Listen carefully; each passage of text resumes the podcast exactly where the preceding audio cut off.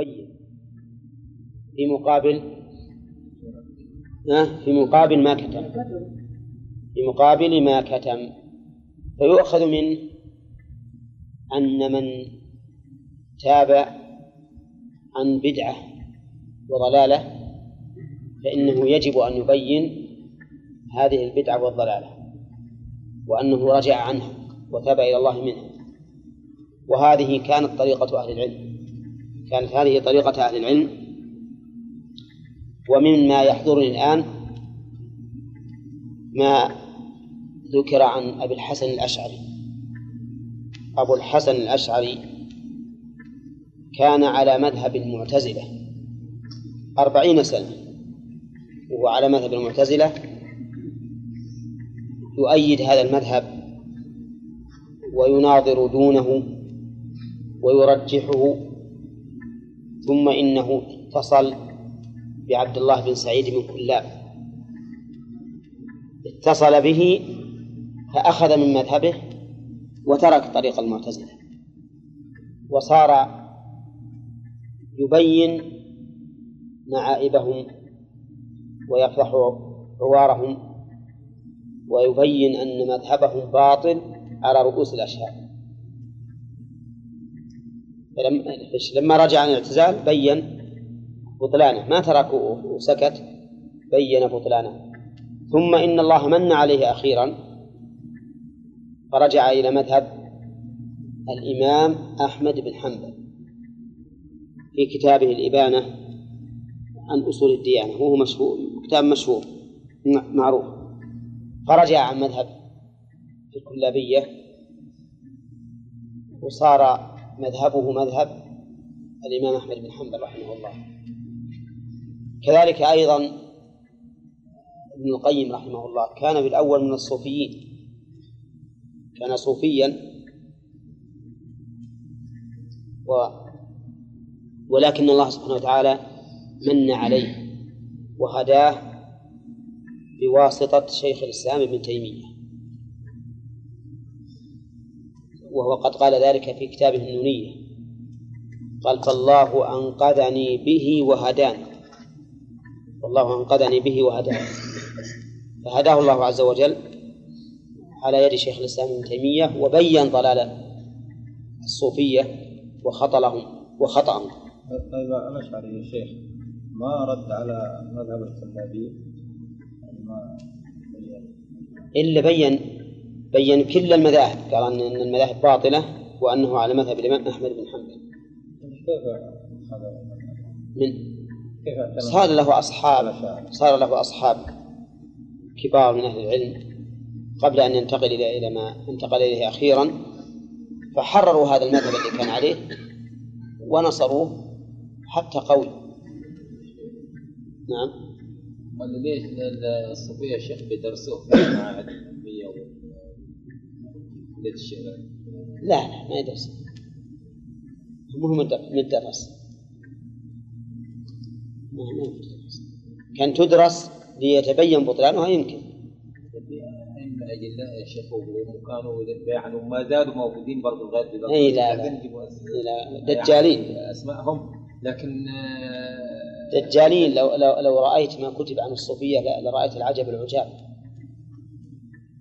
العجب العجاب والعياذ بالله. حتى حتى انتهى بهم الأمر إلى أن يقولوا بوحدة الوجود.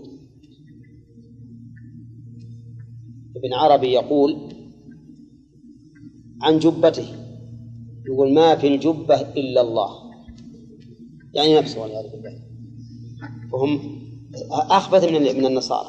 النصارى من قالوا إن الله حل في عيسى وحل في شخص رسول من الرسل وذولا قالوا إنه حل في كل شيء حتى في الكلاب والحمير والخ- والخنازير وغيرها والعياذ بالله. المهم إنك إذا أردت تعرف مذاهب الصوفية فاقرأ ما كتب عنها. مثل كتاب هذه هي الصوفية لعبد الرحمن الوكيل بين والعياذ بالله مخازيهم ومعايبهم. لو لم يكن من منهم إلا هذه الأذكار اللي ابتدعوها. ما انزل الله بها من سلطان نعم. الحضارات نعم. حضرات يجوا يوم يوم الأربع يعني سبع يوم الأربع اللي هو في ويجيبوا ويلبسوا جبه بيضاء ويلبسوا إيه. بتاع ده هو ويقعدوا الذكر الله ومش عارف إيه يذكر الله يا لطيف ألف وال- على كل حال هم ضالون ه- هذا يا شيخ يعني الإنسان يجب أنه يحاربهم فيها. اي حاربهم إن شاء الله اذا وصلت هناك كذلك العيلبون ها؟ العيلبون أنا نعم. سابقا كنت ولا أجلس يلبون أيضا؟ سابقا كنت أجلس معهم. الله يعني تاب علينا الحمد لله إنما الحمد كنت لله. وبعدين برضه مرة مسكوني بعد صلاة المغرب. مسكوني قلت لهم تعمل إيه؟ اطلع برا اطلع سيبوا بقى من الدقل من لا. الحمد لله. بعد ما كنت صوفيا صرت خاميا الآن. نعم. والله حصل معي ده حقيقة. يعني في المسجد كل يوم عم إيه احمد ربك ان الله انقذك احمد ربك ان الله انقذك الحمد لله. طيب من فوائد الآية؟ آه ذكرنا أن توبة أهل البدع مثلا لا تكون إلا بالبيان والإصلاح لقوله إلا الذين تابوا وأصلحوا وبينوا. ثلاث شروط توبة رجوع عما حصل من الكتمان إصلاح لما فسد بكتمانه لأن ما فسد بك- بكتمانهم حيث أخفوا الحق يحصل فساد فلا بد من الإصلاح. الثالث بيان إيش؟ بيان الحق. يبينون غاية البيان. وبهذا تذهب سيئاتهم بحسناتهم. ومن فوائد الآية الكريمة أن كل ذنب وإن عظم حتى الدعوة إلى البدع. إذا تاب الإنسان منها فإن الله تعالى يتوب عليه. وقد ذكر ابن كثير رحمه الله أن هذا من خصائص هذه الأمة وهو أن الداعي إلى البدع والكفر ما تقبل توبته في الأمم السابقة ولكن هذا إن صح عن الرسول صلى الله عليه وسلم فعلى العين والرأس ويكون مخصصا للآية. وإذا لم يصح فإن ظاهر الآية أن هذا الحكم عام في هذه الأمة وفي غيرها وأن من تاب مما كتم وأصلح وبين تاب الله عليه. ومن فوائد الآية الكريمة إثبات اسمين من أسماء الله وهما التواب والرحيم. التواب على من أذنب الرحيم على من أخلص وعمل. فالرحمة تجلب الخير والتوبة تدفع الشر. توبة تدفع الشر. والرحمة تجلب الخير. ويستفاد من الآية الكريمة إثبات صفتين من صفات الله. وهما لا هي التواب التوبة والرحمة. التوبة والرحمة. ويستفاد منهما أيضا إثبات حكمين من هذا من هذين الاسمين. أن الله يتوب ويرحم. ولهذا قال فأولئك أتوب عليهم. ويستفاد من هذه الآية الكريمة قرن العلة بالحكم. لأنه قال فأولئك أتوب عليهم ثم علل ذلك بقوله ها وأنا التواب الرحيم. ومن فوائد الآية الكريمة أيضا كثرة توبة الله عز وجل. كثرة التوبة من الله. لأن قوله التواب؟ صيغة مبالغة. صيغة مبالغة تدل على الكثرة. وه- وهو كثرة توبة الله وكثرة من يتوب الله عليه.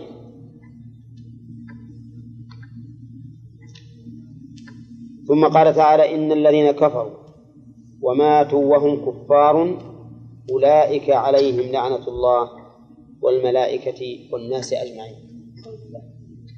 إن الذين كفروا بمن؟ بكل ما يجب الإيمان به.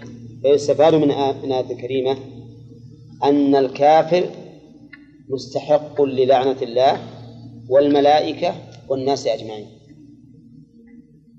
يلع- يلعن. عليهم اللعنة. ويستفاد من هذه الآية الكريمة أنه يشترط لثبوت هذا أن نموت على الكفر لقوله إن الذين كفروا وماتوا وهم كفار.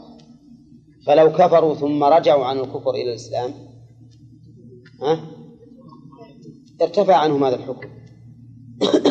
ويستفاد من الآية الكريمة إثبات الملائكة بقوله والملائكة. والملائكة هم عالم غيبي من عالم الغيب لكنهم قد يظهرون أحيانا وهم عباد وليسوا أربابا. عباد ليسوا أربابا وليسوا أولادا لله عز وجل بل هم مخلوقون من جملة الخلق. خلقهم الله عز وجل للعبادة فقط ولهذا لا يعصون الله. لا يستكبرون عن عبادته ولا يستحسرون يسبحون الليل والنهار لا يفترون. ولهم إرادة ولهم عقل. خلافا لمن قال إنه لا عقول لهم والقائل بأنهم لا عقول لهم نقول أنت الذي لا عقل لك. أما الملائكة فإن لهم إرادة وعقل وفهم يفهمون عن الله أمره ويسبحون بحمده. كيف ما يكون لهم عقول؟ نقول هذا القول لو أخذنا بلازمه لبطلت الشرائع لأن السفير بين الله وبين رسله جبريل. فإذا قلنا لا عقل له صار حامل الرسالة مجنونا. ومن يثق برسالة حاملها مجنون. إذا تبطل الشرائع كلها كل الشرائع. ولهذا هذا القول في الحقيقة لو قيل بأنه كفر لكان له وجه. لو قيل بأن هذا القول كفر لكان له وجه. هل الملائكة أجسام أم أرواح؟ ها؟ أجسام بلا شك. نعم وهم وفيهم أرواح. لأنهم كما قال الله عز وجل جاعل الملائكة رسلا أولي أجنحة. وقد رأى النبي عليه الصلاة والسلام جبريل على صورته التي خلق عليها وله ستمائة جناح قد سد الأفق. ومن فوائد الآية أن الكافر يلعنه الكافر. الكافر يلعنه الكافر. ها؟ منين ناخذه؟ من قوله والناس أجمعين. أولئك علامة الله والملائكة والناس أجمعين. وقد أخبر الله تعالى عن أهل النار أنه كلما دخلت أمة لعنت أختها. كلما دخلت أمة لعنت أختها. وأخبر إذ تبرأ الذين اتبعوا من الذين اتبعوا ورأوا العذاب إلى آخره. الكافر والعياذ بالله ملعون حتى من من ممن شاركه في كفره خالدين فيها لا يخفف عنهم العذاب ولا هم ينظرون. يستفاد من هذه الآية أن الذين يموتون وهم كفار مخلدون في اللعنة والعياذ بالله. مخلدون في لعنة الله وطرده وإبعاده عن رحمته. ويستفاد منها أن العذاب لا يخفف عنهم ولا يوما واحدا. ولا يوم واحد. ولهذا يقول الله عز وجل وقال الذين في النار لخزنة جهنم ادعوا ربكم يخفف عنا يوما من العذاب. ما سألوا أن يرفع العذاب ولا سألوا أن يخفف دائما يخفف ولو يوما واحدا ولو يوما واحدا من أبد الآبدين. والعياذ بالله نسأل الله أن يعيدنا وإياكم من النار. يتمنون هذا يتوسلون إلى الملائكة أو بالملائكة إلى الله عز وجل. أن يخفف عنهم يوما واحدا من العذاب ولكن يوبخون إذا سألوا هذا. قالوا أولم تكن تأتيكم رسلكم بالبينات؟ ها؟ قالوا بلى. ماذا تتصورون من الحسرة العظيمة حينما يقولون هالكلام لهم؟ أولم تكن تأتيكم رسلكم بالبينات؟ وش الحصر التي بيصير في قلوبهم؟ ها؟ ما يستطيع أحد أن يتصورها. كيف؟ ليتنا فعلنا ليتنا تبعنا الرسل ليتنا صدقنا ليتنا تبعنا الرسول. يتمنون ولهذا يقولون بلى ما يستطيعون أن ينكروا أبدا. قالوا فادعوا أنتم ولكن دعاء لا يقبل. وما دعاء الكافرين إلا في ضلال في ضياع في ضياع والعياذ بالله. الشاهد أنه لا يخفف عنهم العذاب لا يخفف عنهم العذاب ومن فوائدها أنهم لا ينظرون إما أنه من النظر أو من الإنظار. فهم لا يمهلون ولا ساعة واحدة. ولهذا حتى إذا جاءوها ها فتحت. من يوم يجيئونها تفتح. أهل الجنة إذا جاءوها وفتحت لأنهم ما يدخلونها إلا بالشفاعة. وبعد أن يقتص من بعضهم لبعض فإذا جاءوها كذبوا ونقوا. ثم شفع النبي عليه الصلاة والسلام في دخول الجنة وحينئذ وفتحت أبوابها. ولهذا جاءت الواو في أهل الجنة دون أهل النار والعياذ بالله. فإن أهل النار يفاجؤون بالعذاب. نسأل الله ما يؤخذ من هذا؟ ها؟ إنه يلعن الكافر الآيتين هذول. إيه؟ ما يؤخذ إنه يلعن الكافر إذا مات. إذا مات على كفره. إحنا نقول قد يكون إنه جائز لكنه الحديث يدل على أنه لا يجوز. لا تسبوا الأموات. وش الفائدة من لعن الكافر؟ طيب على سبيل نعم. على سبيل العموم جائز. هو اللهم لعن الكفار. وكان عمر رضي الله عنه وابو هريرة يلعنون الكفار في القنوت. اللهم لعن الكفرة. هذا لا بأس به. والآيات هذه قد تكون على سبيل العموم. إن الذين كفروا وماتوا وهم كفار. أولئك عليهم لعنة الله والملائكة والناس أجمعين. على سبيل العموم اللهم لعن كل كافر اللهم لعن من كتم العلم وما أشبه ذلك. بالنسبة للنساء. إله واحد. الخطاب للبشر كله. وإلهكم أيها الناس وأيها البشر أي معبودكم الحق. معبودكم الحق الذي تكون عبادته حقا واحد إله واحد. إله بمعنى مألوه. إله بمعنى مألوه فهي بمعنى اسم المفعول. والمألوه معناه المعبود حبا وتعظيما. هذا الذي يعبد حبا وتعظيما وهو مستحق للعبادة إله واحد فقط لا أكثر. وهذه الجملة وإلهكم إله. طرفها الأول معرفة والثاني نكرة موصوف ومؤكد بالوحدانية. إله واحد يعني لا إله معه. ثم أكد هذه الجملة الاسمية بجملة تفيد الحصر. فقال لا إله إلا هو.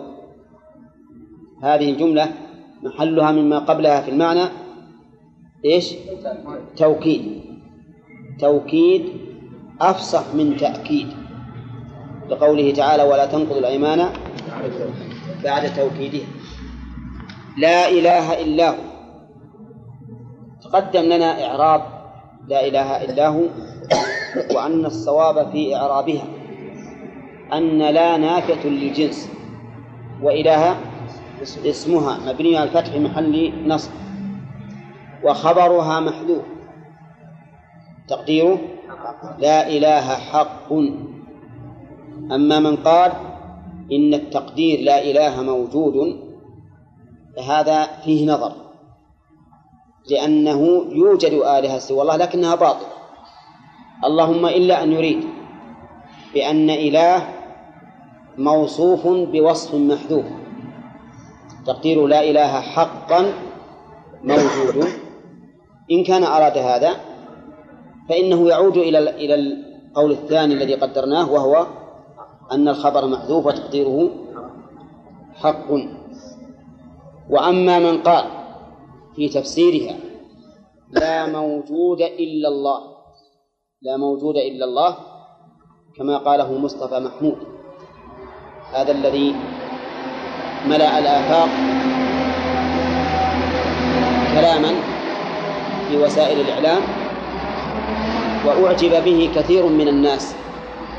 هذا يفسر لا إله إلا الله لا موجود إلا الله. وهذا ينطبق تماما على تفسير وحد أهل وحدة الوجود الذين يقولون إن الخالق والمخلوق شيء واحد. لأنه إذا قال لا موجود إلا الله معناه الخلق هو عين الخالق هو عين الخالق لأنه لا موجود إلا الله. وبهذا نرى أنه يجب التحرز من هذا الرجل لا سيما عند كلامه في الإلهيات. عند كلامه في الإلهيات خطر عظيم الأخذ بقوله. أما في مسائل أمور الكون فهذه قد يخطئ وقد يصيب. لكن في مسائل الإلهيات يجب الحذر منه يجب الحذر منه. لأن رجلا يفسر كلمة التوحيد بكلمة الحلول والاتحاد هذا من أبعد الناس عن عن التوحيد. نعم نعم. هو في كتب أنا قرأته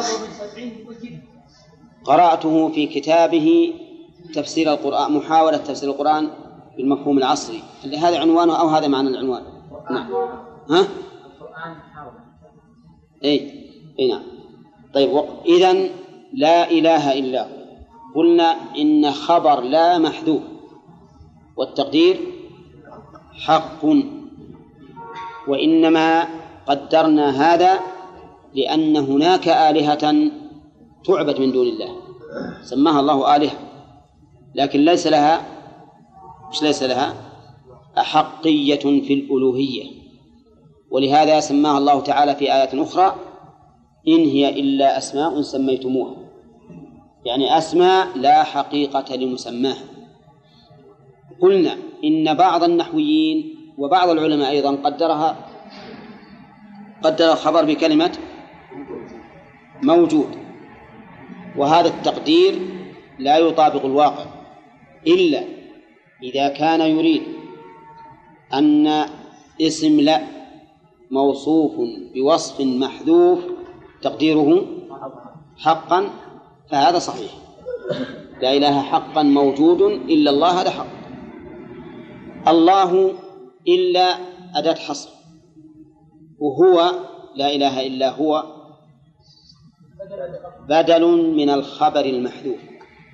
بدل من الخبر المحذوف. مبني على الفتح في محل رفع. مبني على الفتح في محل رفع. أما إلا الله فهو بدل مرفوع وعلامة رفعه ها؟ ضم ظاهرة في آخره. ورانا نقول هنا مبني على الفتح وهناك نقول مرفوع بضمة.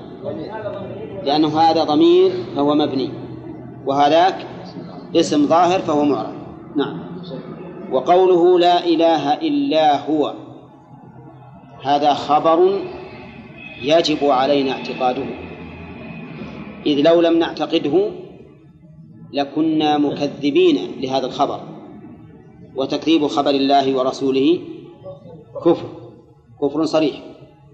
إذا يجب علينا أن نعتقد بأنه لا إله حق إلا الله عز وجل وأن جميع ما يعبد من دون الله فهو باطل لأنه لا ينفع ولا يضر نعم. ومن أضل ممن يدعو من دون الله من لا يستجيب له إلى يوم القيامة وهم عن دعائهم غافلون. هذه الأصنام لو تدعوها إلى يوم القيامة نعم ما استجابوا إن تدعوهم لا يسمعوا دعاءكم. ولو سمعوا ما استجابوا لكم. ويوم القيامة يكفرون بشرككم ولا ينبئكم مثل خبير فإن قال قائل إن هؤلاء المشركين قد يفتنون في هذه الآلهة فيدعونها ثم يأتيهم ما دعوا به. فما هو الجواب عن هذه الآية؟ الجواب عن هذه الآية أنهم ليسوا هم الذين أوجدوه. والله قال إن من لا يستجيب له فهل هذه الأصنام هي التي جاءت بهذا الشيء أو الذي جاء به الله؟ ها؟ الذي جاء به الله. لكن قد يمتحن الإنسان بتيسير أسباب المعصية ابتلاء من الله عز وجل. نعم. فيكون هذا الشيء حصل عنده ها؟ لا به. حصل عنده لا به. نعم. طيب لا إله إلا هو الرحمن الرحيم. قوله الرحمن وش عرابة؟ ها؟ خبر لمثل محذوف التقدير هو الرحمن الرحيم. الجملة استئنافية. هو الرحمن يعني هذا الإله هو الرحمن الرحيم. وما سواه مما يعبد من دونه فليس فيه رحمة؟ خال من الرحمة إطلاقا. وقوله الرحمن الرحيم قال ابن حجر اتفق العلماء على أنهما اسمان من أسماء الله. اتفقوا. مع أن مادتهما واحدة وهي الرحمة. وعلى هذا فيكون الغفور اسم والغفار اسم. وإن كان مش وإن كان من من المغفرة لكن لما اختلف في الصيغة صار كل منهما اسما مستقلا. وقولها الرحمن الرحيم. الفرق بينهما أحسن ما رأيت فيه ما قاله ابن القيم رحمه الله في كتابه بدائع الفوائد. وكتاب بدائع الفوائد على اسمه بدائع لكنه ليس مرتبا. حسب ما يخطر بباله يكتبه رحمه الله. أشبه ما له كتاب ابن الجوزي المسمى صيد الخاطر. صيد الخاطر متى ما خطر على بال الشيء كتبه. وإن كان بينهما فرق. وابن الجوزي رحمه الله في باب الصفات متذبذب. له كتاب اسمه تأويل آيات الصفات. كله على مذهب المعتزلة. ينكر إنكارا شديدا على المثبتين. حتى أنه في بعض السياقات يلعنهم والعياذ بالله. يلعنهم. يقول كيف أنكم تجعلون لله عين ويد وما أشبه ذلك؟ معناه أنكم خليتوه إنسان. ويصرح بالإنكار العظيم في هذا. ورأيت لشيخنا رحمه الله كتاب آه، تعليق على هذا الكتاب على الصفحة على الصفحة اللي فيها اسم الكتاب. يقول هذا كلام ابن الجوزي مما خالف فيه مذهب الإمام أحمد بن حنبل. إي نعم. الحاصل أن إحنا ذكرناه لأن ابن الجوزي رحمه الله له كلام يدل على أنه مستقيم في هذا الباب لكن هذا الكتاب ألفوا لهذا الغرض ورد على المثبتين ردا شنيعا. طيب إذن الرحمن أقول أحسن ما رأيت في الفرق بينهما أن الرحمن باعتبار الوصف. والرحيم باعتبار الفعل.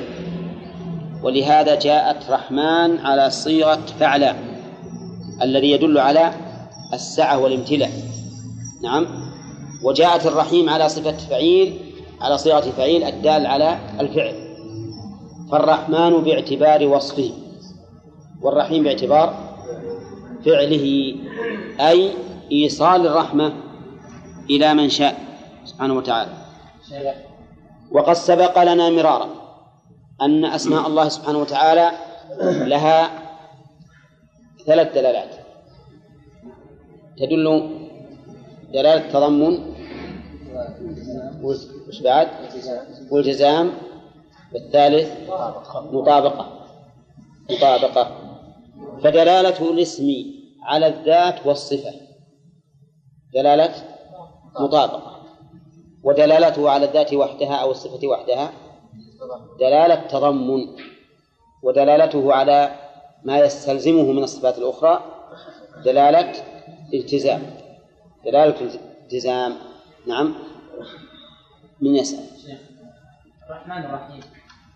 ما الذي يمنع أن نقول صفة؟ الرحمن والرحيم. أي. نقول صفة. ال... نعم. هما دالات هما دالان على الرحمة. هما دالان على الرحمة لا أقول صفة يعني من الناحية العربية. ها الناحية العربية. صفة ليش؟ للضمير. يقولون إن الضمير لا ينعت ولا ينعت به. المانع هذا كلام. يعني إذا تعاملناه من الناحية المعنوية إيه. فعلا صفة.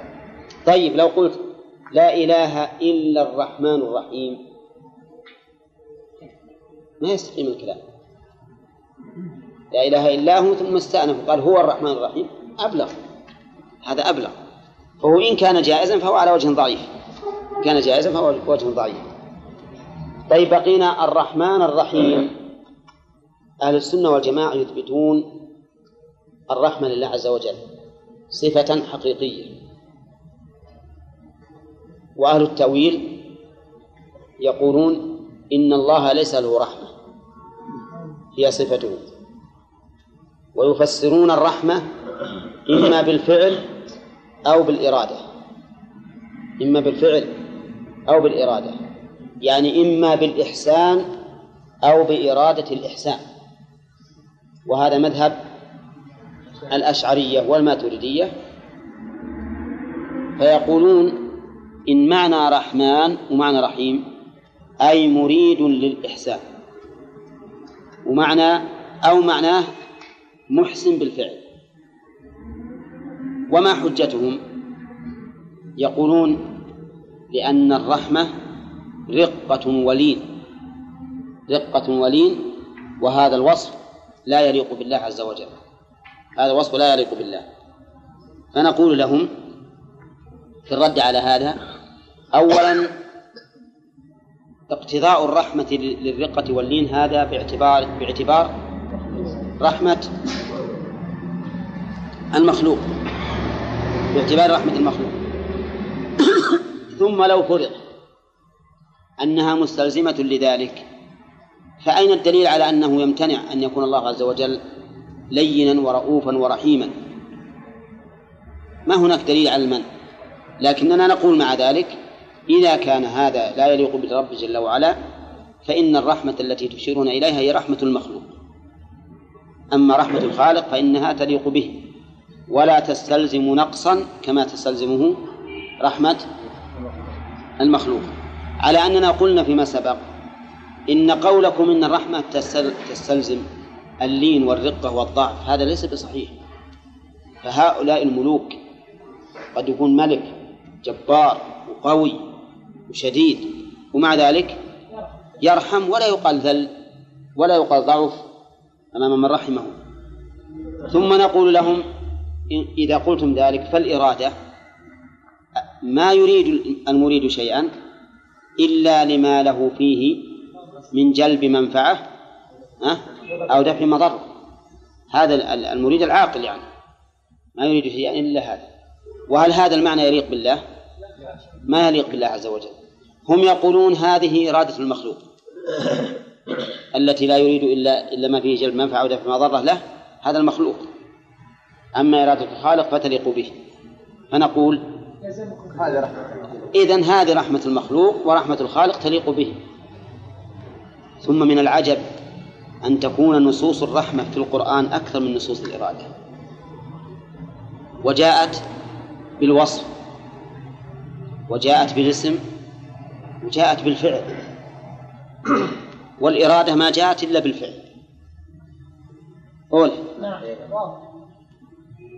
فيقول الله عز وجل وربك الغفور ذو الرحمة. هذا الصفة ها؟ ويقول الرحمن الرحيم هذا الاسم. ويقول يعذب من يشاء ويرحم من يشاء. هذا الفعل. ومع ذلك هذه تؤول والإرادة لا تؤول. لكن الحمد لله أهل السنة والجماعة هداهم الله تعالى للصراط المستقيم وجعلوا جميع باب الصفات بابا واحدا. كيف بابا واحدا؟ يوصف الله بما وصف به نفسه وبما وصفه به رسوله عليه الصلاة والسلام من غير تحريف ولا تعطيل ولا تكييف ولا تمثيل ويقال إن وصف الخالق يليق به ووصف المخلوق يليق به. وإن اتفقا في أصل المعنى لكن حقيقة المعنى تختلف. واضح؟ وهذا الحمد لله مقرر لدينا في العقائد ومر علينا كثير. شيخ نعم. بعض العلم يفسر الرحمن الرحيم بأنهما اسمان رفيقان لكن إذا رجعنا إلى معتقد المعتقد الصحيح ها؟ ما نعم. نحمله على أنه يريد اسمان رفيقان أحدهما أرفق من الآخر. لا لا لا هم يرى يقول كون أن الله رفيق يحب لا لا ما يريدون هذا. هم يقولون رقيقان يعني كل واحد منهم أرق من الثاني. إحنا يعني مر علينا أن بعض أهل العلم عقيدته صحيح جيدة إيه. ويد رقيقان. إيه هم يقولون كذا يقولون كذا. طيب. نعم. في قال قائل ما الفرق بين مذهب أهل السنة والجماعة؟ نعم. ومذهب المفوضه؟ إذا كان أهل السنة يثبتون الرحمن صفة الرحمة لله تبارك وتعالى. بمعنى غير المعنى اللي موجود في القاموس لأن هذا المعنى من الرقه يليق بالمخلوق. نعم. كذلك هلا هلا يقول الرحمن لكن معنى الرحمن فوض إلى الله ما نعرف معناه. إيه. فالم- الفرق بينهم. الفرق بينهما أن أهل التفويض يقولون ما نعرف لهذا معنى. ما نثبت معنى إطلاقا ما هو الرحمة فقط في الرحمة والاستواء والنزول والمغفرة والمحبة وغيره ما يثبتون معنى إطلاقا يقول هذه معانيها مجهولة. نعم. ولا شك إن, إن هذا ضرره عظيم. لا معنى للقران نعم. لا معنى للقرآن. معناه لا معنى من القرآن ومعناه مثل ما قال شيخ الإسلام. قال هذه يجي ال- المتأول ويجون الفلاسفة ويقولون روحوا. أنتم جهال ما تعرفون. حنا اللي عندنا العلم. فيأتي المتأول ويقول عندي العلم. ويأتي الفلسفي ويقول عندي العلم. أنا اللي أدري معنى القرآن. أما أنتم أقررتم على أنفسكم بالجهل. الجاهل هل يمكن أن يدفع شيئا؟ ها؟ ما يمكن يدفع. ولهذا يقول إن هذا القول رحمه الله يقول في كتاب العقل والنقل يقول هذا القول من شر أقوال أهل البدع والإلحاد تفويض المعنى. أما تفويض الكيفية فهذا حق. ما مهما كنا ما نستطيع أن نعرف كيفية صفات الله عز وجل. إي نعم. إذا أنا واحد كتب يعني ولم ينقض يعني عند تفسير الرحمن الرحيم. آه، ما ندري. رفيقان أو رفيقان. نحمل على إيش؟ هو المعروف أنهم يقولون رقيقان. أحدهما أرق من الآخر. كذا يعبرون. أرق أرق ما تشتبه بأرفق أرق ما تشتبه مفروضة ما يخالف إذا إذا قال إذا قال رفيقان ولم يشك ولم ينقض. ثم قال أحدهما أرق تشتبه بأرفق؟ ما تشتبه. إلا أنت تحط أرق يعني أرف. ها؟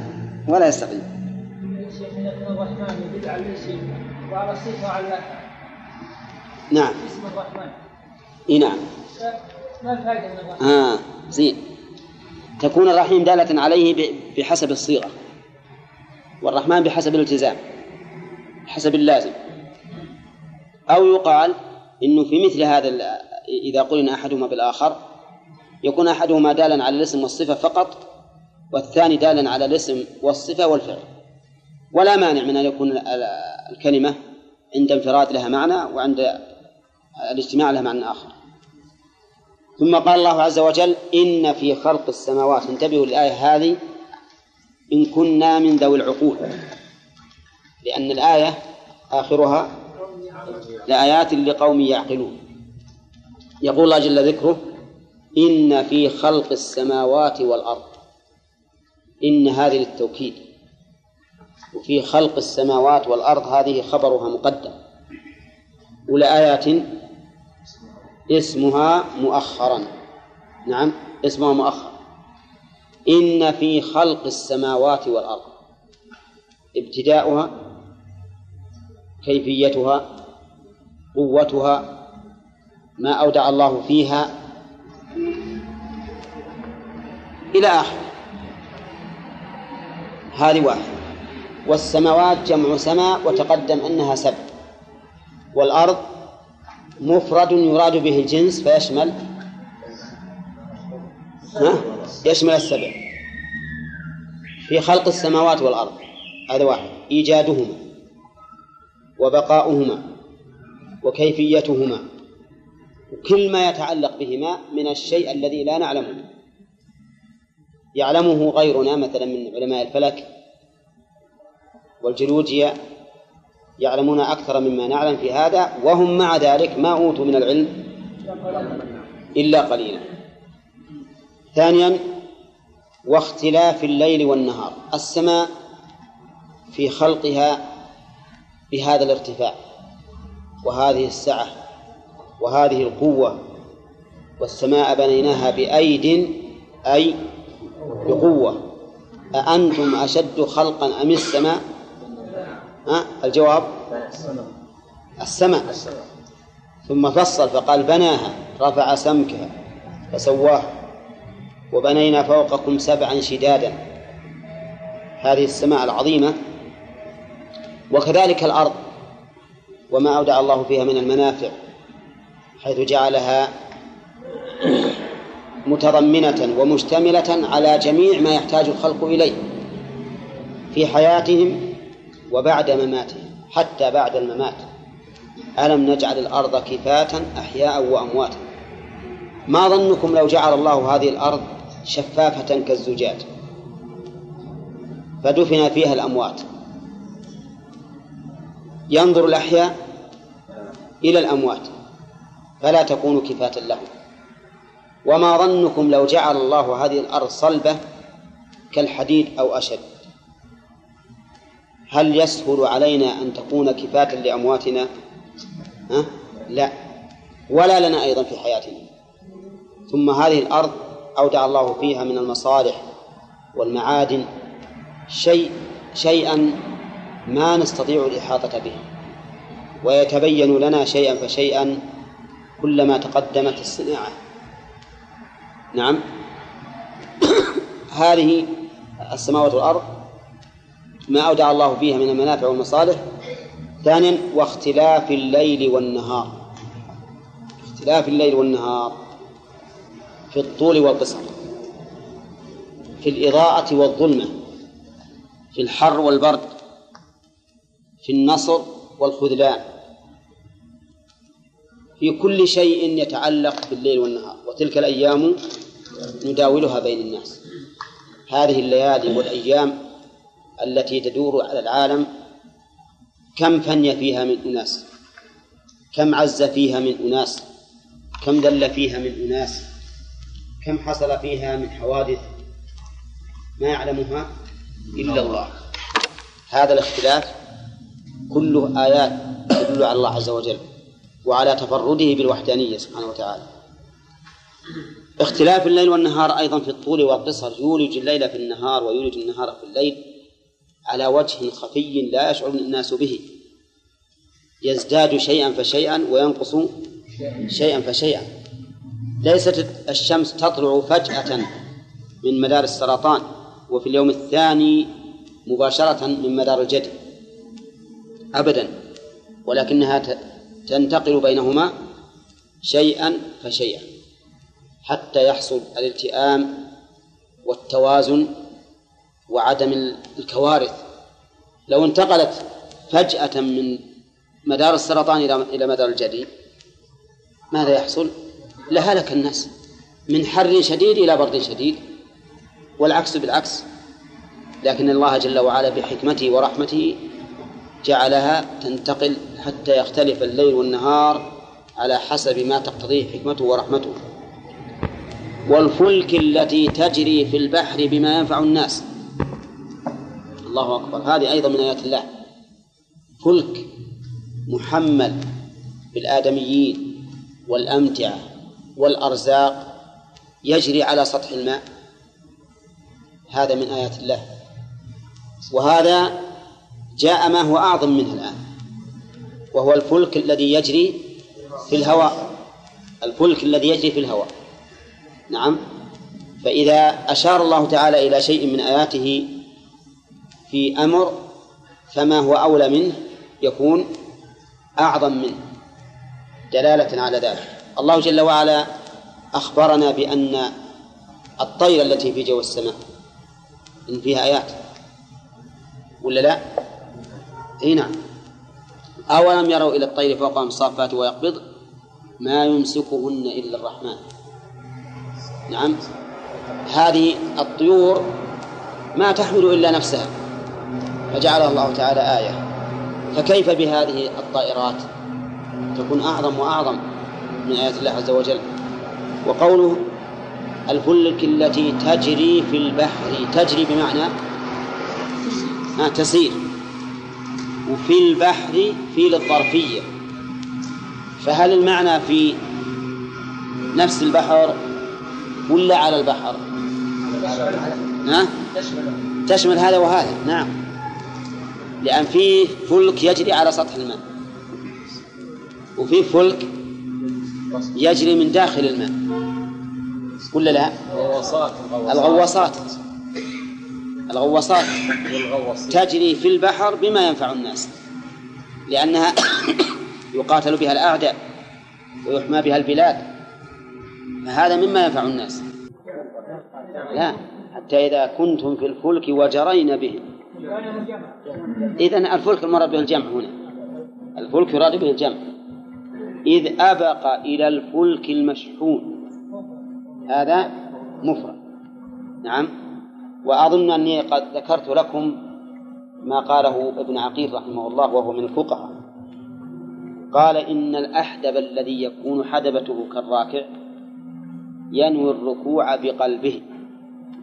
قال كفلك في العربية. نعم ينوى جمعه وإفراده واللفظ واحد. هذا الإنسان الأحدب إذا بغى يركع وهو أحدب على قدر الركوع. شلون يركع؟ ها؟ بالنية. نعم. الفلك شامل للمفرد والجمع. وهنا يراد بها الجمع ولا المفرد؟ والفلك التي تجري في البحر. يا إخواني قلنا إن الوصف يعين المقصود. والفلك التي تجري في البحر. مفرد؟ لو قال والفلك اللاتي يجرين في البحر صار جمعا. أولى ابن مالك في الألفية يقول جمع الذي آه نعم جمع الذي الأولى الذين مطلقة ها؟ باللاتي واللاء التي قد جمع. باللاء واللاتي التي التي هي المفرد. فعلى هذا تكون هنا الفلك مفرد. لكنه مفرد والمراد به الجنس فيكون عاما. وقول التجري في البحر بما ينفع الناس الباء هنا للمصاحبة. الباء للمصاحبة. يعني مصحوبة بما ينفع الناس. منين؟ منين؟ من الأرزاق والبضائع والأنفس والذخائر وغيرها. ها؟ ها؟ والصير. السمك الذي يصطاد أي وغيرها. بما ينفع لأن ما اسم موصول يفيد العموم. كل ما ينفع الناس. فهي من آيات الله عز وجل. الدالة على كمال قدرته وكمال رحمته وتسخيره. كما قال تعالى في آية أخرى وسخر لكم الفلك لتجري في البحر بأمره. وسخر لكم الأنهار. ومن حكمة الله عز وجل أنه قدر في الأرض أقواتها. قدره يعني جعل قدرا هنا وقدرا هنا وقدرا هنا لأجل أن ينتفع الناس. في ناس ما يكثر عندهم البقول والخضور والخضروات وما أشبه ذلك يأتيهم من أرض أخرى. وفي ناس يكثر عنهم نوع من الحشائش ما يوجد في المكان الآخر ينقل إلى المكان الآخر. فيتبادل الناس الأرزاق وينتفع الناس ويتحركون كل فيما قدر له. غواصات تمشي مسافة طويلة يا شيخ. إيه من تحت الماء من تحت الماء كيف يدلون؟ ها؟ عندهم سلمك الله آلات رادارات ما تخطي. الآن في يقولون في في صواريخ في الصواريخ يرسله وهو مكانه في غرفة القيادة وتضرب الهدف اللي هو يبي. تضرب الهدف اللي يبي. ولا ولا حد. الآن بدأوا الله يكفينا شرهم بدأوا يسلحون الجو. ولذلك هم في نزاع في مساحة في تسليح الجو. انتهوا من تسليح الأرض وتلغيمه بالغواصات وغيرها عاد قالوا نروح نسم نعم؟ نعم نعم صحيح. ضعيفين ها؟ أقول ضعيفين لو أي والله أمام قدرة الله. الحين الافغانيه ضعيفين وقليلين ولا عنده عدة. أمام قدرة الله ما ما في شيء لأن الله جل وعلا لو شاء لخسف بهم مقاومين الروس يخسفهم الأرض ولا يبقى لهم ذكر. أمام قدرة الله ما ما فيها شيء. ولكن الله جل وعلا جعل قدرته مشروطة. إن تنصروا الله ينصركم. فإذا وجد هذا الشرط ونصرنا الله حقا بقلوبنا وألسنتنا وجوارحنا نصرنا الله. مثل ما نصر لقبل ينصرنا جل وعلا. مسألة أقوالنا كثيرة وأفعالنا قليلة. علمنا واحد يا شيخ. خلى هذه على القهوة إن شاء الله. لا أقول يعني في مسألة هذه. يقول أرسلوا عليهم قنابل ذرية. إيش؟ قنابل ذرية. إي. في نفس افغانستان نعم. يقولوا صارت في حد الخيار ما وصلت الخيار اخذت 12 يوم. وهي النار تلك. إي. ولكن فكهم الله ما جت منهم ولا أحد. وعلى كل حال يعني الأحاديث عنهم كثيرة لكن ما ودنا نمضي الوقت ولا حدثني إنسان ثقة قبل يومين جاي لمي يشاورني في موضوع الجهاد معهم. يقول إن فيه جبال يتعبون ال- الغزاة في إيصال الماء إلى إليه إلى هذه الجبال. يحمل الواحد الجالون مع التعب ويسقط هذا الجبل ويحفرون خنادق لأجل إذا جت الطيارات ضربوها. أقرب يكون للطائرة. يقول إن فيه طائرات بدأت ترسل عليهم قنابل ولا ظهرت إلى ضربت القنبلة في الأرض انفجرت الأرض عيونا. صارت تحفر لهم آبار وهم ماتوا. وهذا الله على كل شيء قدير.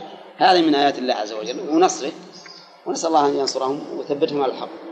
نعم. ابن عبيد أحدث ما يلزمه اليوم إذا كان أحدث ألف في النية إي نعم إيه تكفي. ما يلزمهم يحتوي يعني؟ لا لا ما يزال ما استطاع لأنه يصير خلاف السنة في صفة في آية الركوع. ها؟ هذا عاجز إيه الله يقول اتقوا الله ما استطاع. لا هذا هذا من تقوى الله. ما راح ينوي هيئته راكب راكب لهم قالوا هكذا. لم تختلف الصفه بين الركوع والقيام ما هو شرط؟ يكفي النية. مثل الجلوس إذا كان ما يستطيع أن يتحرك ومثل الإنسان اللي ما يستطيع يتحرك ب... ما يستطيع يتحرك ب... برأسه ينوي وقال هنا جنب السماوات الجنس وإثبات الأرض لأنها من جنس واحد ما ندري. ما نستطيع أن نجزم بهذا. لأن السماوات ما نستطيع أن نقول أن السماء الدنيا من نحاس. لأنه ما قال الأرض. آه، ما ما, ما نستطيع. جاءت الأراضين في السنة, في السنة. طوقه من سبع أراضين لا بالنسبة بالنسبة للقرآن ما نقدر نقول إن الله نوه على ذكر السماوات بالعدد لأنها أعظم من الأرض.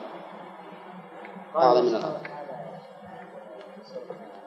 ومن الأرض مثلهن بالعدد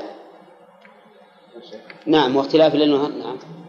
ما رأيك في قول من قول من قال إذا جمعت السماوات يراد بها الأجرام نعم. وإذا قيل السماء يعني العضو هو صحيح إذا قيل السماوات فهي الأجرام بلا شك. إذا قيل السماء فتحتمل هذا وهذا.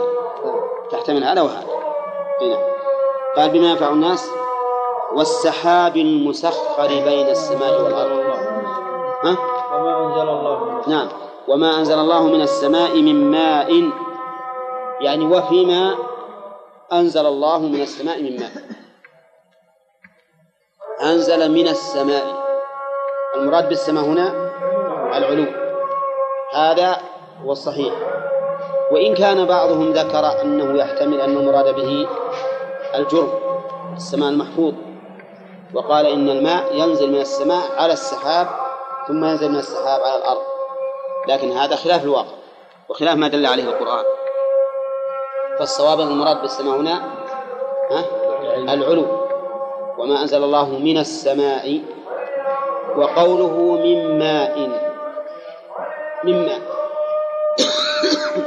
هذه بيان لماء لماء في قوله وما أنزل الله. نعم. وقوله من ماء المراد به المطر. هذا الذي أنزله الله من السماء. فيه آيات عظيمة. منها كونه ينزل من السماء. فما الذي حمله إلى السماء؟ الله عز وجل. كذلك كونه ينزل رذاذا. هذا من آيات الله الدالة على رحمته. لو كان ينزل صبا ها؟ لأهلك العالم. لأهلك العالم لكنه ينزل رذاذا وكونه ينزل من السماء لا يجري من الأرض هذا أيضا من آيات الله. لأجل أن ينتفع به سهل الأرض وجبالها سهولها وجبالها. ولو كان ينزل يمشي لغرق الأسفل قبل أن يصل إلى الأعلى. كذلك من آيات الله كونه ينزل لا حارا ولا باردا. ولا لا؟ عن البرد. البرد ذكره الله تعالى في سياق يدل على أنه نوع من الانتقام. أنه نوع من الانتقام وينزل من السماء من جبال فيها من برد فيصيب به من يشاء ويصرفه عن من يشاء. يكاد سنا برقه يذهب بالأبصار. وإن كان الناس الله سبحانه وتعالى قد جعل- قد جعله رحمة لكن يتضمن الأحيان.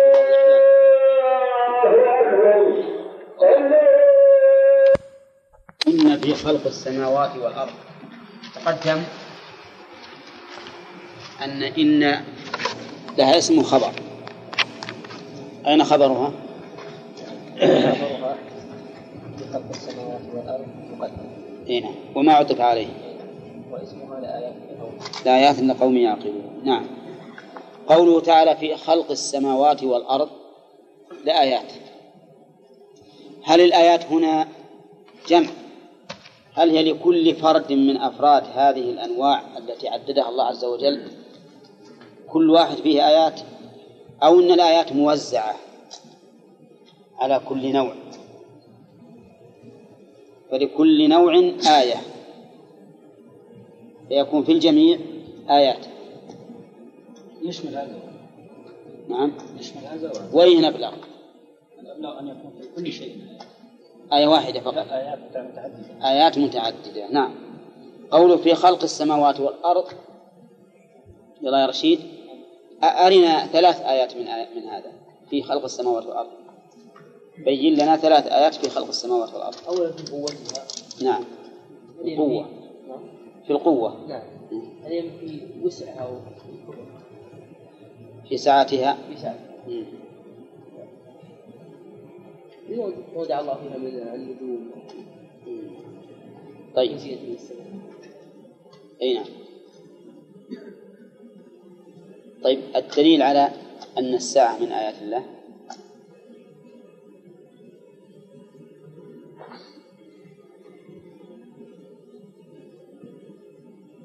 وأنها من قوة الله.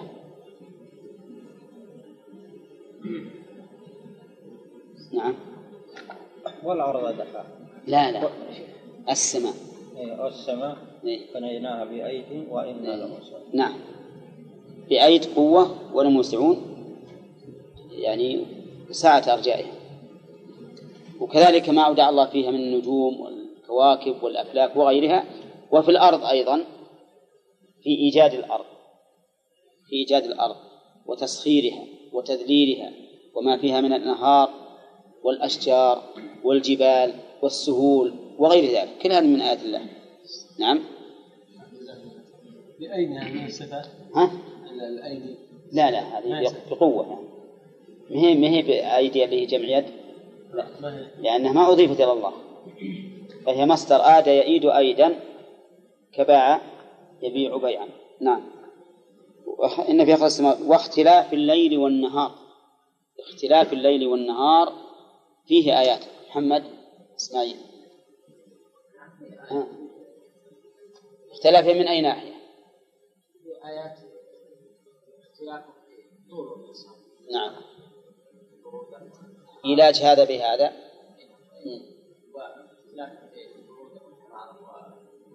اختلاف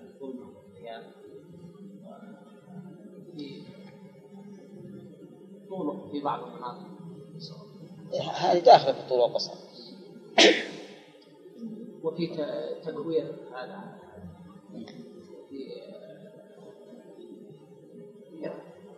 طيب. ألا يدخل في ذلك اختلاف الحوادث؟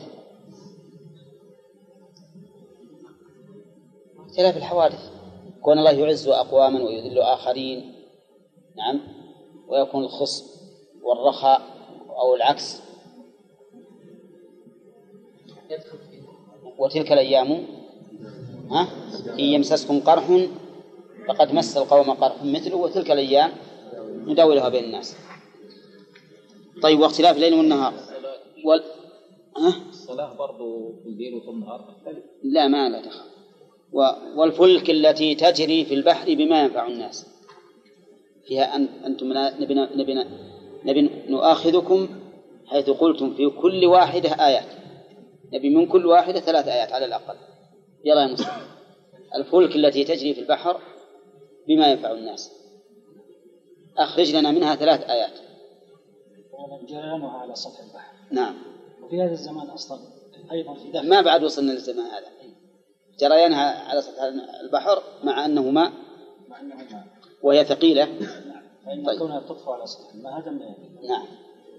ثاني شيء نقل البضائع. التي توجد في مكان إلى مكان لا توجد في هذه هذا طيب. نعم. والفلك هي التي هي تحمل. طيب. ثالث.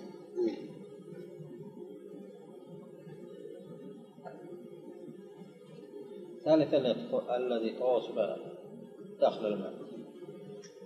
إيه. إحنا قلنا نبي نصبر لين نصل لوقتنا هذا. ما في البحر مخلوقات إيه ما في البحر مخلوقات عظيمة هذا في البحر لكن نعم التوصل بهذه الفلك إلى ما في البحر لأنهم يصيدون فيها. هذا ما هو قديم يا شيخ؟ أي. غواصات هذه ما ما أذكر أنها قديم. طيب الاقتداء. ها؟ اقتداء في البحر. إيه بالسفن العادية الشرعية يقول من الآيات؟ يعني أنهم إيه يقتدون بس هذه من النجوم.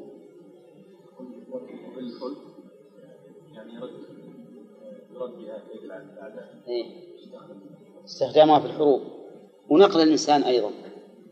الإنسان قد يكون له غرض بأنه ينتقل من قارة إلى قارة أو من مكان إلى مكان فهذا من الآيات. ها؟ ما بعد تصريف الرياح بعد.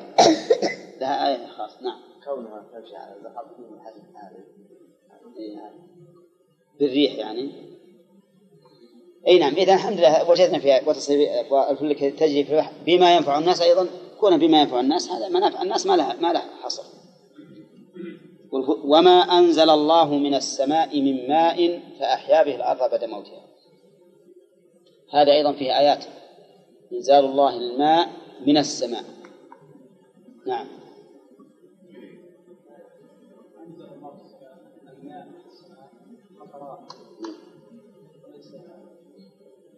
وليس يصب صبا.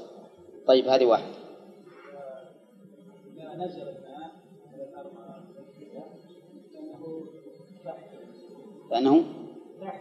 الإنسان طيب إحياء الأرض به. لكن إحياء الأرض الظاهر أنه نفس إحياء الأرض فيه آيات. نزال المطر كونه رذاذا هذا من آيات الله. وترى ما لاحظوا ما نريد من آيات الله الآيات الدالة على القدرة والعظمة فقط. حتى الدالة على الرحمة والدالة على الحكمة هي من آيات الله. ولا لا؟ هنا. طيب.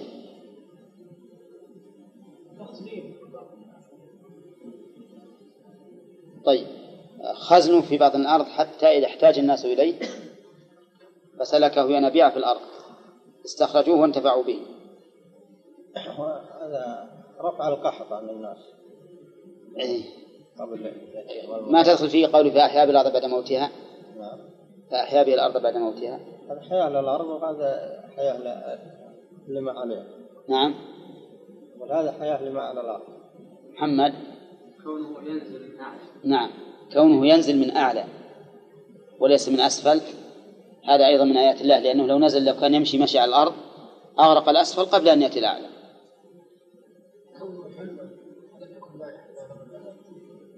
أي نعم كونه بهذه الحلاوة وكونه ليس باردا ولا حارا ليس باردا برودة تؤثر على النبات ولا حارا. نعم. كونه ينتح من الأرض طريق الشمس ثم ينزل. كونه إيش؟ ينتح نتح طريق الشمس. اي يتبخر ثم يتألف. اي ثم ينزل. هذه آيات عظيمة. يعني كونه يصعد من البحر؟ أي ثم يتكون ضبابا ثم هذا؟ قد يسلم به وقد لا يسلم. هذه من آيات الله يا شيخ؟ اي هو من آيات الله لكن بس مو كلها الظاهر من هذا. أحيانا يكون كذلك وأحيانا لا يكون. إذا ليش غير هذه الطريقة تكون من السحاب الله أعلم.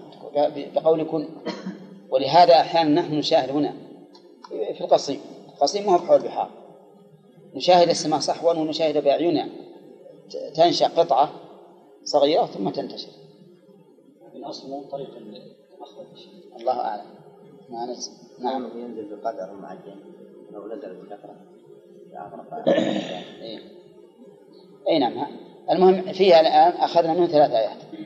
ثلاث يكفيها شيء. وقول فأحيا به الأرض بعد موتها. قول أحيا به الأرض بعد موتها. هذا موجود الدرس اليوم. أحيا به الأرض. الذي يحيا هل هو الأرض أو النبات الذي فيها؟ الذي يحيا هو النبات. الذي يحيا هو النبات الذي فيها. ولهذا قال الله تعالى في آية أخرى فتصبح الأرض مخضرة. قد يقول القائلون بأن في القرآن مجازا إن هذا من المجاز حيث أطلق حياة الأرض على حياة نباتها. ونحن نرد عليهم بأن نقول إن مثل هذا الأسلوب في اللغة العربية لا يعنى به أبدا حياة الرمل والتراب والأحجار وإنما يعنى به ها؟ ما فيها من الثمار والزهور ما فيها من الثمار والزهور. وما دام هذا معنى معنى هذا معنى هذا التركيب في الأسلوب العربي بقي هذا حقيقة لا مجازا لأننا قد قررنا فيما قبل. قاعدة. فقلنا إن الكلمات لا يتبين معناها إلا بالسياق وضم بعضها إلى بعض. وكم كلمة كان لها معنى في سياق ومعنى آخر؟ في سياق. نأتي لمثل القرية كلمة القرية التي يدندن حولها من يقولون بالمجاز. نعم. نقول القرية استعملت مرادا بها أهلها.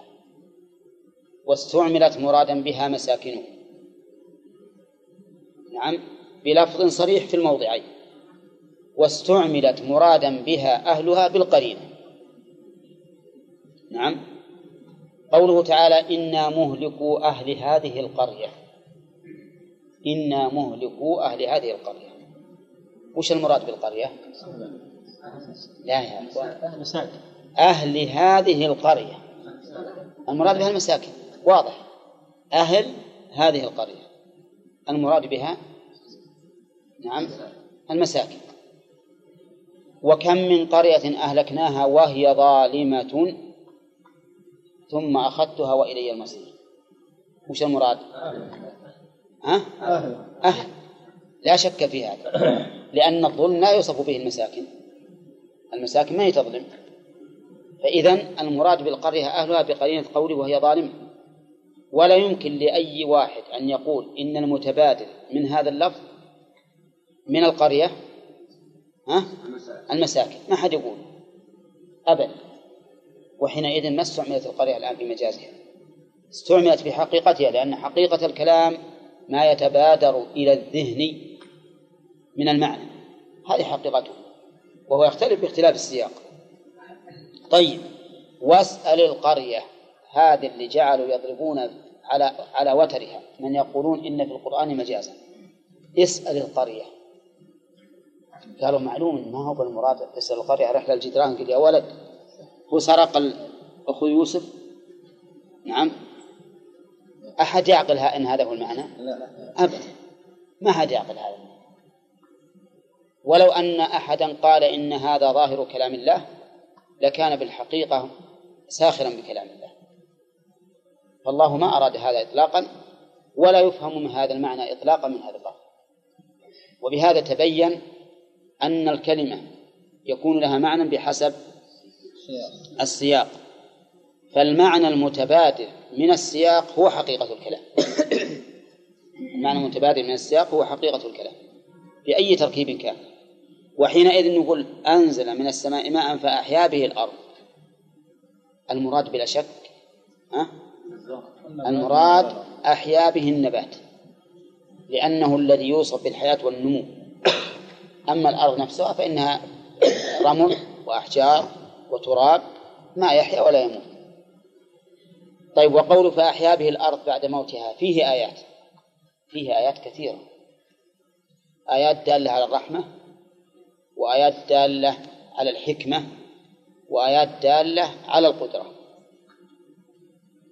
آيات دالة على الرحمة لما في هذا الإحياء من المنافع العظيمة أخرج منها ماءها ومرعاها والجبال أرساها لمن؟ ها؟ متاعا لكم ولأنعامكم فكم من نعمة كثيرة في هذه الزروع التي أحيا الله تعالى التي أحياها الله تعالى بالمطر ولا لا؟ لنا ولأنعامنا قوتا ودواء وغير ذلك.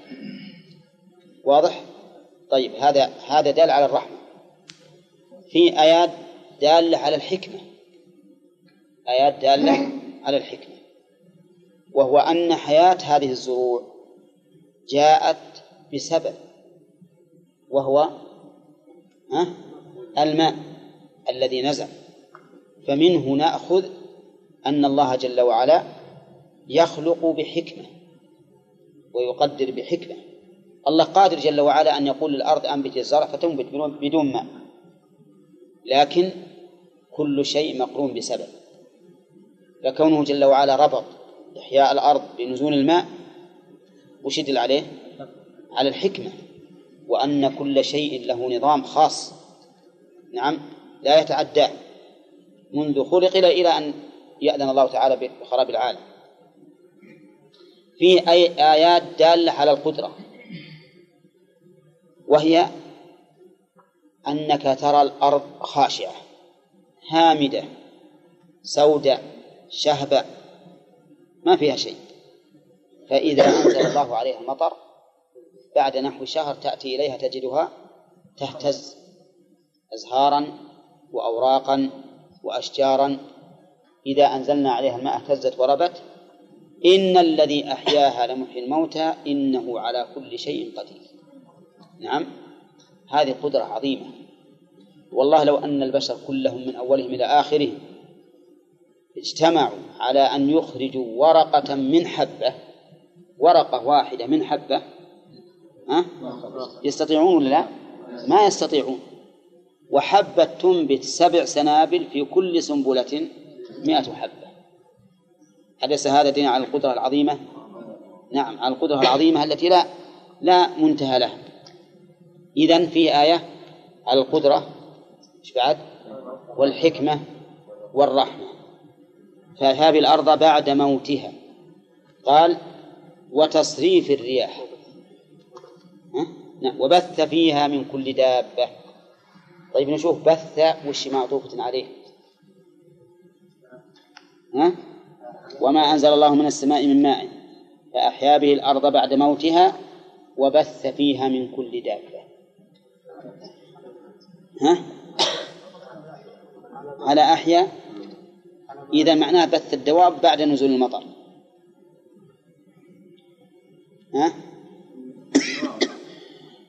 الله إنما معطوفة على قوله أنزل يعني وفيما بث فيها من كل دابة. وفيما بث في الأرض من كل دابة. أو في الأرض والسماء.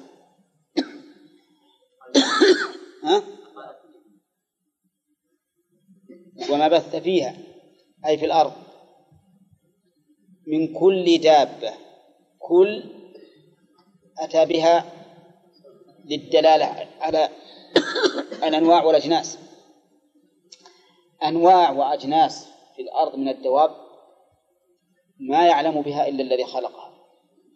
ما يعلم بأنواعها وأجناسها فضلا عن أفرادها إلا الذي خلقها سبحانه وتعالى. يعلم هذه الأجناس وأنواعها وأفرادها وأحوالها وكل ما يصلحها. يعلم الله عز وجل. ففيها من آيات الله الدالة على كمال قدرته ورحمته وعلمه وحكمته ما يبهر العقول. شوف سبحان الله العظيم تجد هالدواب المختلفة المتنوعة والحشرات الصغيرة كيف الله هداها لما خلقت له. أعطى كل شيء خلقه ثم هدى. حتى إنك لترى الماء. يدخل في جحر الذر. فترى الذر تخرج من هذا الجحر حاملة أولادها. ذر تحمل أولادها. ماذا ترجو من هذه الأولاد؟ نعم. لكن رحمة أرحم الراحمين جعل في قلب هذه الذرة رحمة لتحمل أولادها عن الغرق. أنا شاهدته بعيني وأنتم إذا شئتم جرب. ها؟ نعم كيف؟ نعم لها قلب لها قلب ولها عقل يليق بها فالحاصل إن هذا من آيات الله عز وجل كذلك أيضا البهائم السباع الضارية اللي تأكل ما دون أولادها من الحيوان تجد أولادها اللي أكبر من اللي هي تأكل ماذا تصنع به؟ ها؟ تحنو عليه وتربيه حتى إذا إذا استقل بنفسه صار عدوا لها أو صارت هي عدوة له. الهرة تربي أولادها فإذا استغنوا عنها ها طردتهم. صارت عدوة له. هذا من آيات الله عز وجل. في هذه الدواب التي بثها الله في الأرض من آيات الله إنك ترى بعض الدواب تدب على الأرض تدب. لكن ما تكاد تدرك جسمها. ما تكاد تدرك جسمها. فضلا عن أعضائها. فضلا عما في جوفها. ومع ذلك عائشة ولا لا؟ ها؟ عايشة. ما هي عائشة؟ أولى. ها؟ عايشة. عايشة على على ما هي عليه؟ عايشة وتعرف مصالحه وتعرف جحرة وتأوي إليه. هذه من آيات الله. وعلى كل حال إحنا ما نعرف في الحقيقة ما درسنا في علم الأحياء. ومن درس في علم الأحياء وجد من هذا ما ما يبهر العقول فما بث الله في الأرض من الدواب من أجناسه وأنواعه هذا فيه من آيات الله ما لا يحصى. نعم. لأن في كل شيء منه آية. وهو لا يحصى أنواعا أو أجناسا فضلا عن أفرادا وقول وما بث فيها من داب من كل دابة فيه آية يعني هذه الدواب العظيمة الكثيرة معلومة عند الله. أولى. ها؟ معلومة لأنه خلقها. موضوع فيها الرحمة. لأن نشاهد التراحم بينها. فيها مصالح للعباد. فيها مصالح للعباد. ولا لا؟ نعم. أولم يروا أنا خلقنا لهم مما عملت أيدينا أنعاما فهم لها مالكون وذللناها لهم فمنها ركوب. وهنا آية أيضا غريبة وهي تمام قدرة الله عز وجل بخلق الضدين في حيوان في الحيوان.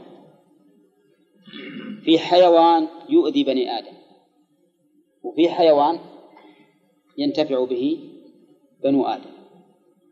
والخالق واحد والمادة واحدة نعم والجنس واحد ومع ذلك هذا منه غاية الضرر وهذا منه منافع كثيرة. ولا لا؟ البعير أكبر من العقرب. معلوم؟ معلوم. العقرب تلدغ فتؤذي أو تضر وربما تقتل. والبعير تنفع. ذللها الله عز وجل. يجي الصبي الصغير اللي يرعاها ها يأخذ بخطامها ويقودها إلى ما شاء ها؟ أو يستدبرها ويسوقها إلى ما شاء. وهذا لا شك أنه من آيات الله الذي خلق هذه المخلوقات العظيمة وجعل بعضها نافعا وبعضها ضارا. هذا من آيات الله. شيخ نعم. وفيها لا فيها آيات مردا على المثل المثل أي. المثل والله نعم نعم. لأنها تختلف الأجناس أي. بعضها. مع مع اتفاق الاسم. أي نعم. أي نعم. قال نعم. وما بث وبث فيها من كل دابة وتصريف الرياح. عندي فيها قراءة ثانية. وتصريف الريح. أما على قراءة الإفراد فالمراد الجنس. وأما على قراءة الجمع فالمراد أنواعها. تصريف الرياح. فيه آيات تصريف الرياح. هنا فيه آيات كثيرة. والتصريف يشمل تصريفها من حيث الاتجاه. تصريفها من حيث الشدة وعدمها. تصريفها من حيث المنافع وعدمها.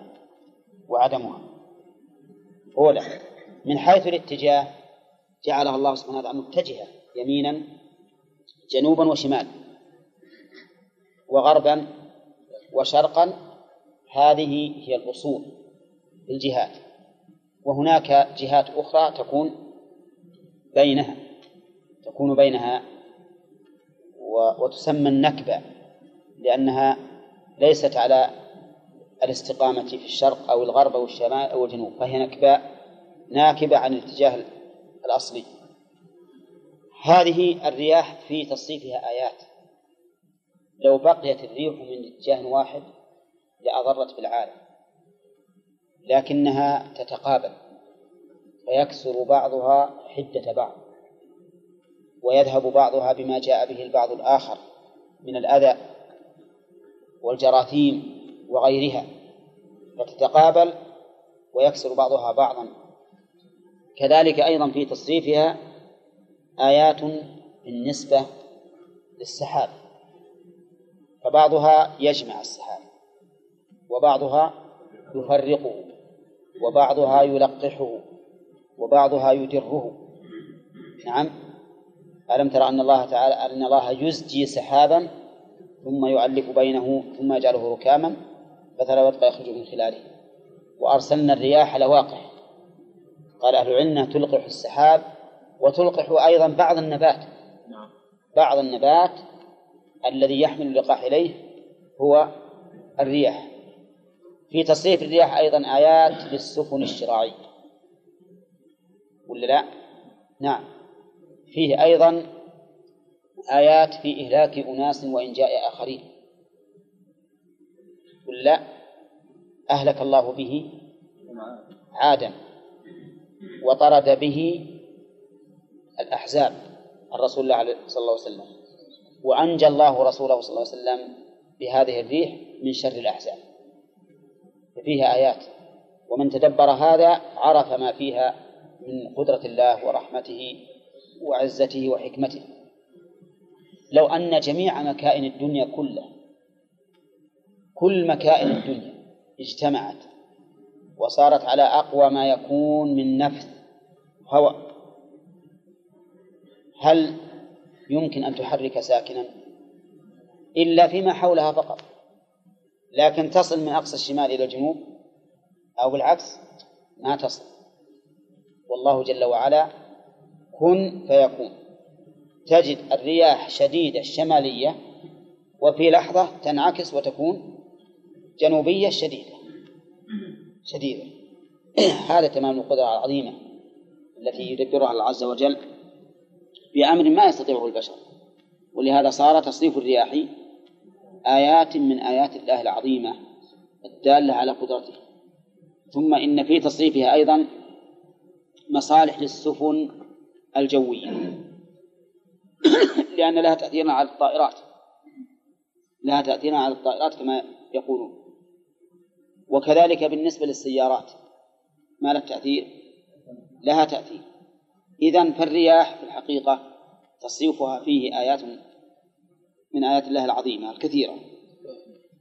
والسحاب المسخر هذا عاد من آيات الله. السحاب المسخر بين السماء والأرض. بين السماء والأرض. السحاب هو هذا الغمام والمزن. وسمي سحابا لأنه ينسحب انسحابا في الجو. وهو بيقفز قفزا أنتم تشاهدون الغيم الآن يقفز. ها؟ قفزا ولكن لا لكنه ينسحب انسحابا بإذن الله. ينسحب انسحابا. هذا السحاب المسخر المذلل والذي ذلله خالقه جل وعلا. ذلله لمصالح عباده. يرسله الله أحيانا رحمة وأحيانا نقمة. نعم. هذا السحاب المسخر المذلل بين السماء والأرض فيه آيات. آيات دالة على أي شيء؟ على القدرة والرحمة والحكمة. كلها موجودة في هذه الآيات. على القدرة من يستطيع أن يأتي بالسحاب؟ من؟ الله عز وجل ما هنا أحد يستطيع. ثم من يستطيع أن يدر منه هذا هذا الماء. الله عز وجل ولهذا قال وينزل الغيث. ثم من يستطيع أن يجعل هذا السحاب أحيانا متراكم متراكما حتى يكون مثل الجبال السود. يوحش من من يراه وأحيانا يكون خفيفا وأحيانا يكون سريعا وأحيانا يكون بطيئا. وأحيانا تراه لا يتحرك. نحن شاهدنا كثيرا نجده مستقر ما يمشي. مستقر ما يمشي لأنه لأنه يمشي بأمر الله. فهو مسخر مذلل بأمر الله عز وجل. ثم هذا السحاب أيضا مسخر بأمر الله يسقي هذه الأرض ولا يسقي هذه الأرض. تجد يأتي فوق الرؤوس. ويرعد ويبرق نعم. وربما يستقر بعض الاستقرار ولا يمطر ثم ينصرف إلى قوم آخرين فيمطر عليهم بدون هذا الرعود والبرق لأنه يؤمر. وأظن لا يخفى عليكم أو على أكثركم قصة الرجل الذي سمع صوتا في السحاب يقول أسقي حديقة فلان. وهذه ثابت عن الرسول عليه الصلاة والسلام. يقول هذا الرجل فانطلقت فأفرأت السحاب ماءها في حرة. ثم جرى الوادي في شرج الحرة فأسقى تلك الحديقة. فجاء إلى صاحبها قال من أنت؟ يا فلان. قال ماذا تريد؟ أخبره باسمه فإذا هو الاسم الذي سمعه في السحاب. يقول أسقي حديقة فلان. قال له ماذا تصنع فيها؟ قال إني أقسمها أو أجزئها ثلاثة ثلث للفلاح وثلث لأولادي والثلث الثالث أتصدق به. الشاهد أن هذا المطر هذا السحاب ينزل ماءه بأمر الله ويمتنع بأمر الله عز وجل. وكذلك لا يخفى عليكم ما ثبت في الصحيحين من حديث أنس في قصة الرجل الذي الذي جاء الرسول عليه الصلاة والسلام يطلب منه أن يستسقي النبي عليه الصلاة والسلام سأل الله أن يغيثه والسماء صحو ما فيها ولا قزعة. فأنشأ الله السحاب وانتشر ورعد وبرق وأمطر. فما نزل الرسول صلى الله عليه وسلم من المنبر إلا والمطر يتحاذر من لحيته. سبحان الله العظيم. لو اجتمع الخلق كلهم على أن يفعلوا هذا الفعل ما استطاع. لكن الله خلقه وسخره وأمره فنزل. آية من آياته وآية لصدق رسوله. نعم. في الجمعة الثانية طلبوا من الرسول عليه الصلاة والسلام أن يستصحي لهم. فقال اللهم حوالينا ولا علينا. اللهم على الآكام والضراب وبطون الأودية ومنابت الشجر وجعل يشير بيده حوالينا. كذا. فما يشير إلى ناحية من السحاب إلا انفرجت. انفرجت لأمر الرسول ولا لأمر الله؟ لأمر الله. لكن الرسول عليه الصلاة والسلام موجه مثل ما هو قاسم والله معطي الرسول موجه لكن السحاب لو أمره الرسول صلى الله عليه وسلم ألف مرة ولم يأمره الرب جل وعلا ما تحرك. ما تحرك لكن هذا بأمر الله. هذا من تسخير الله سبحانه وتعالى لهذا السحاب المسخر. وإذا رأينا أيضا لهذا السحاب المسخر وأظن بعضكم ركب الطائرة. تجد هذا السحاب بعضه تحتك مثل بعد الأرض. مثل بعد الأرض. وبعضه فوقك مثل بعد السحاب عن الأرض. وطبقات عظيمة. كنا نظن إن إن السحاب قبل يعني نصعد إلى إلى الجو إن السحاب كله في طبقة واحدة. فإذا هو طبقات عظيمة متباعدة متباينة وشاهدناه أيضا في الأرض وفي الجو. شاهدناه يجتمع بعضه إلى بعض ويلتئم. وقد ذكروا لنا أهل الدراية في هذه الأمور إنه إذا أرعد جانب من من السحاب بدأت المزن تتجمع على هذه الترعب تجمع نعم بإذن الله. شاهدونه. كأن فيها مغناطيسا يجذب هذا المتفرق من السحاب إليه. هذا أيضا من آيات الله عز وجل يقول السحاب وقوله بين السماء والأرض ما المراد بالسماء؟ ها؟ السماء السقف المحفوظ السقف المرفوع والأرض أرضنا هذه وهذه البينية هل تقتضي الملاصقة؟ لا فهي بينها بدون ملاصقة حطيت بالكم لهذه. أنا قصدت بهذا التقرير الرد على الذين أنكروا قول الرسول عليه الصلاة والسلام إن قلوب بني آدم بين أصبعين من أصابع الرحمن. وقالوا لو كان هذا حقيقة